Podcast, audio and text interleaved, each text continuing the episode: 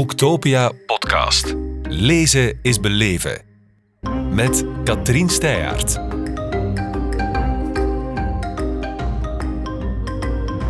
Welkom Vera van Rentergem. Dankjewel Katrien. We gaan meteen beginnen met een tijdreis vandaag, want je brengt ons terug naar het Duitsland van 1943 met je boek Vreemde Gebeurtenissen. Um, misschien moeten we eerst en vooral eens Oscar Koek bespreken, want hij is de speelfiguur in je verhalen.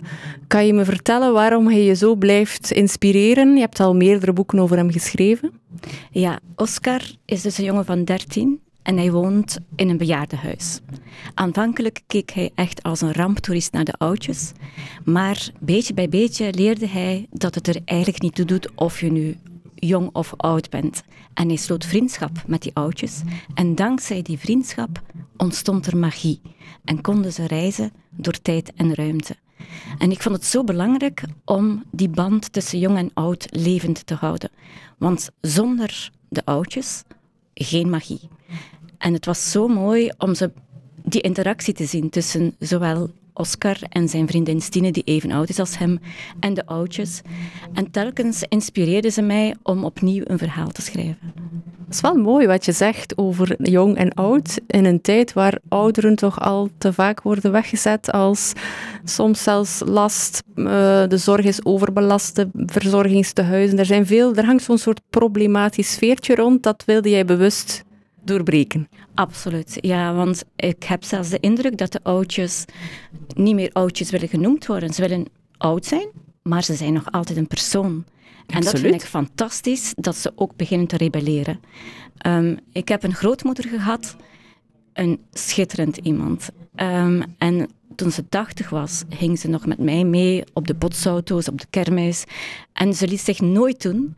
En zij is altijd een hele grote bron van inspiratie voor mij geweest.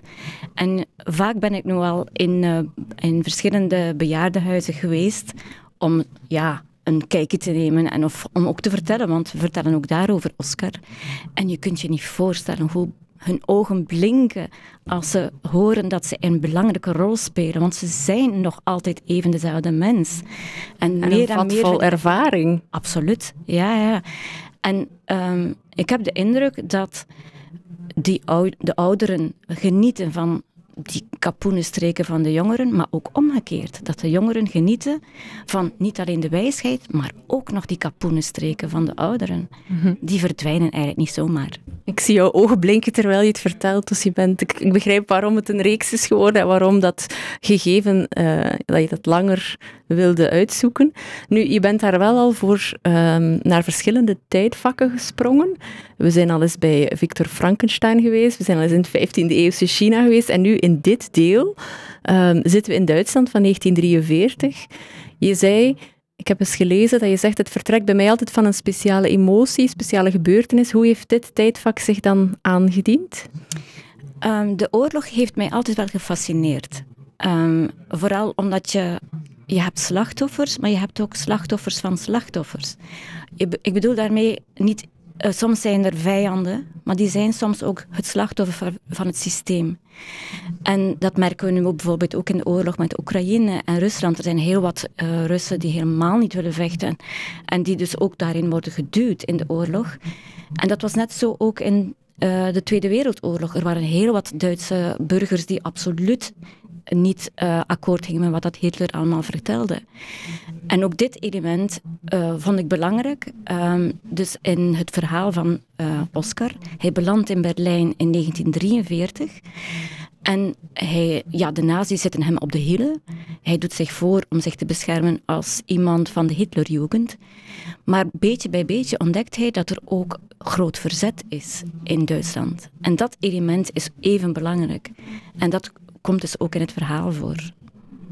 Voel je ergens een verantwoordelijkheid omdat je schrijft, het is een jeugdboek voor een jong publiek, om die nuance bij te brengen, om ze een soort historisch besef te geven? Ja, absoluut. Ik vind dat ook wel heel leuk. Ik ben zelf historica. Um, ik zou nooit willen een geschiedenisles geven in een boek, um, maar wel via avontuur. Het is een setting die, we, die ook altijd zeer herkenbaar is. Hoe lang het ook geleden is in het, in het verleden, we merken dat de mensen nog altijd dezelfde mensen zijn. En het gaat hem niet zozeer om die setting, maar wel hoe zijn we in die setting? Hoe is de mens? Zijn die, hebben die nog altijd dat zachte, gevoelige, of worden ze allemaal heel hard? Of, en die nuances moeten we meegeven, vind ik. En hoe zijn Oscar en Stine in deze setting? Oscar en Stine zijn op de eerste plaats zeer verward. Want het eerste wat sneuvelt in een oorlog is de waarheid. En zij moeten ontdekken welke waarheden zijn er allemaal. Dus hun verwarring maakt uiteindelijk dan wel plaats voor moed. En ze moeten dus ook een meisje dat gevangen zit in het huis waar ze terechtgekomen zijn, redden, waardoor de nazi's hen op de hielen zitten. Maar opnieuw is oud en jong belangrijk. Want er is een oude man. Hij ziet er op het eerste zicht een beetje verstrooid en een beetje gek uit. Maar die oude man helpt hen door dik en dun. En hij brengt hen naar een poppenfabriek. Waarom? Dat zal ik niet vertellen. We gaan niet te veel spoilen, hè? Dat ga ik niet vertellen. Maar het is uh, interessant wat je zegt. Ze zijn in de war, verschillende waarheden, ook weer zeer actueel. Ja, absoluut. Ja, dat merken we ook nu met de oorlog, maar ook in kleinere feiten. Want uh, ik merk wel bij jongeren dat ze bepaalde waarden zeer hoog in het vaandel dragen. Bijvoorbeeld uh, vrijheid, eerlijkheid, die dingen. Maar mhm. dat merk je ook in kleine dingen. Ik heb bijvoorbeeld vorig jaar een boek geschreven samen met 100 jongeren. En die 100 jongeren, ik vroeg hen, hoe zou de wereld eruit zien mocht je die zelf mogen creëren? Interessante vraag. Ja, en het waren jongeren uit de meest diverse middens. Maar telkens waren het dus andere uitgangspunten. Je had bijvoorbeeld een autistisch meisje, of een jongen uit de circuswereld, of een zigeunermeisje, of iemand die uh, zeer geëngageerd is om de natuur te redden. Allemaal verschillende uitgangspunten. En natuurlijk zag hun wereld, want ze mochten die fantaseren hoe, hoe ze ook maar wilden, zag die wereld er anders uit. Maar allemaal hadden ze dezelfde toekomst. Niemand kan de toekomst op voorhand voorspellen. En dat was hun, hun eenheid. Ze hadden allemaal een toekomst voor zich. En daarin zag ik dat eerlijkheid, hun grote waarden bijzonder belangrijk waren. Maar ook in de kleine dingen. Bijvoorbeeld een stotterend meisje die wil dat de eerlijkheid erin bestaat dat iedereen ook naar haar luistert. Dus in kleine dingen heb je dat ook. Niet alleen in grote oorlogen. Nee, dat is waar. Maar in grote oorlogen wordt natuurlijk worden de zaken op de spits gedreven. Dus is, is het daarom dat dat zo'n dankbare setting is voor jou als schrijver? Want daar ja, worden de, eigenlijk de essenties blootgelegd. Hè? Absoluut, ja. En dat, daarvoor heb ik ook voor uh, eh, 1943 in Berlijn gekozen. Omdat je dat dan nog meer kan uitlichten. Maar tegelijkertijd woedt er ook een oorlog in hun binnenste. En dat is even belangrijk. Je maakt het zeer intens natuurlijk. Uh, hoe was het om daarover te schrijven? Ik, uh, altijd, als ik ook over een historisch element in het boek um, schrijf, dan doe ik daar een grote um, vooronderzoek voor. Als een echte historica. Ja, dat is zalig. Ik doe liefst van al eigenlijk ook dingen waarvan ik helemaal niks weet. Bijvoorbeeld het boek dat in China in 1420 afspeelt. Daar heb ik echt hard moeten voor zoeken om te weten, ja, wat doen die? Hoe eten die? Hoe, hoe bewegen zij zich? Waarin geloven ze? Dus die voorstudie is altijd zeer belangrijk. Maar dan ben je in je element in die voorstudie. Ja, en dan mag ik lezen en dan mag ik doen en dan zonder schuldgevoelens. Dan moet ik, dan ja, ik moet voorstudie doen. Het is voor het werk. Het is voor het werk. Ja. En wat heb je over deze periode? Kan je een element eruit lichten dat je heel frappant vond, wat je zelf nog hebt bijgeleerd en dat dan ook een plek in het boek heeft gekregen? Um, zeer anekdotisch ben ik ook geweest op het vlak van de Hitlerjugend.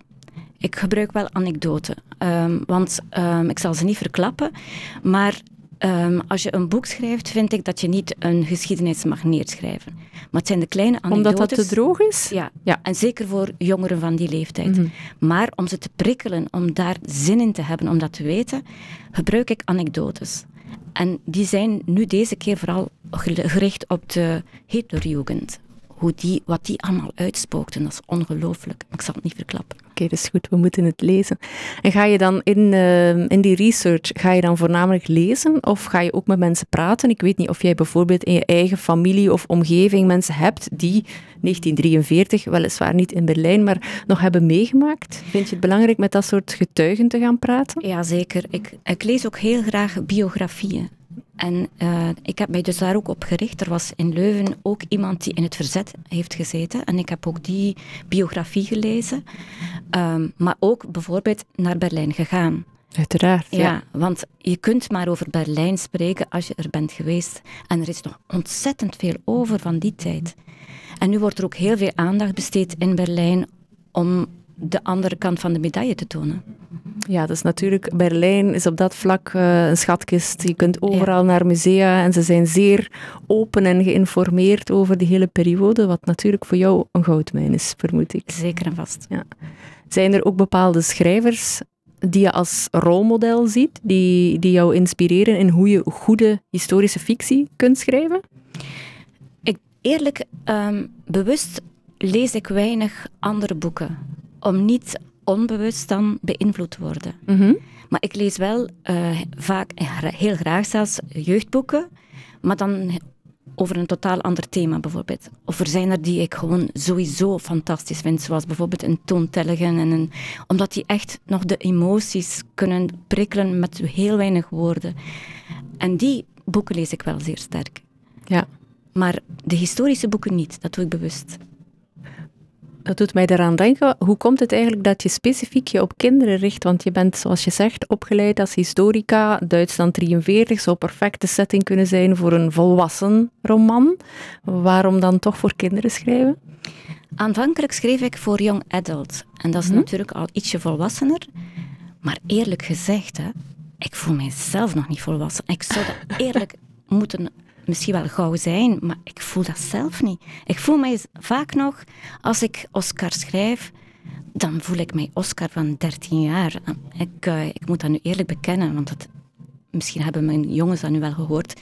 Maar, Hoe oud zijn die? Ja, die zijn ook al ouder, die zijn oudere, uh, die zijn al in de... Uh, eind de tieners en begin twintigers. Ja. Dus uh, dat zijn al uh, grotere jongens. Maar um, ik voel mij eigenlijk nog klein soms. In en, welke zin? Ja, ik voel um, dat, dat onbevangene nog.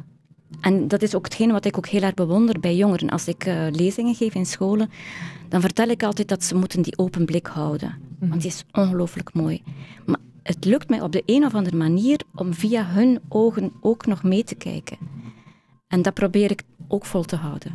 Ja, maar het schijnt je ook niet veel moeite te kosten nee, het om het vol te houden. Nee. Wat is er um, zo mooi aan een reeks schrijven eigenlijk?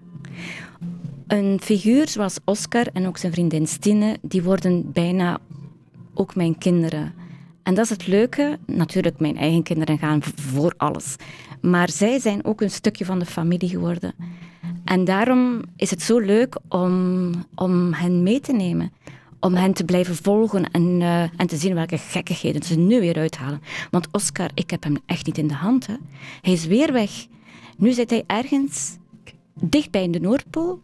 En het heeft iets te maken met een vuurvrouw en, en, en, en, een, en een vuurman. En ik weet niet wat er allemaal uitsteekt, maar beetje bij beetje zal ik het wel te weten komen. Je moet hem volgen. Ik moet is hij daar in godsnaam op de Noordpool terechtgekomen? Ja, je weet hè. Hij heet Oscar Cook. En zijn bed overgrootoom mm -hmm. was James Cook. Oké. Okay. Weet je dat James Cook een geheime opdracht heeft gehad van de koning van Engeland om daar een geheime doorgang te vinden, een noordelijke doorgang, zodanig dat ze minder grote afstand moeten afleggen om van west naar oost te gaan. En zijn bemanning wist dat zelfs niet. Maar mm -hmm. ondertussen gebeurde er iets vreselijks. Er waren Siberische pelsjagers die hen op de hielen zaten. Ik zal niet meer vertellen, maar ik weet het ook maar We een zitten klein op het beetje. puntje van onze stoel. Dus dat wordt het volgende boek. Dat wordt het volgende. Jij gaat Ja. ijskoude maanden tegemoet, Vera. Absoluut. Ik Neem een warm dekentje mee. Dat zal ik zeker doen. heel erg bedankt voor je komst, Vera van Rentergem. Dank je wel ook voor het interview. Boektopia podcast. Lezen is beleven. Beluister ook de andere podcasts live opgenomen op Boektopia 2022. Nu via je favoriete podcast-app.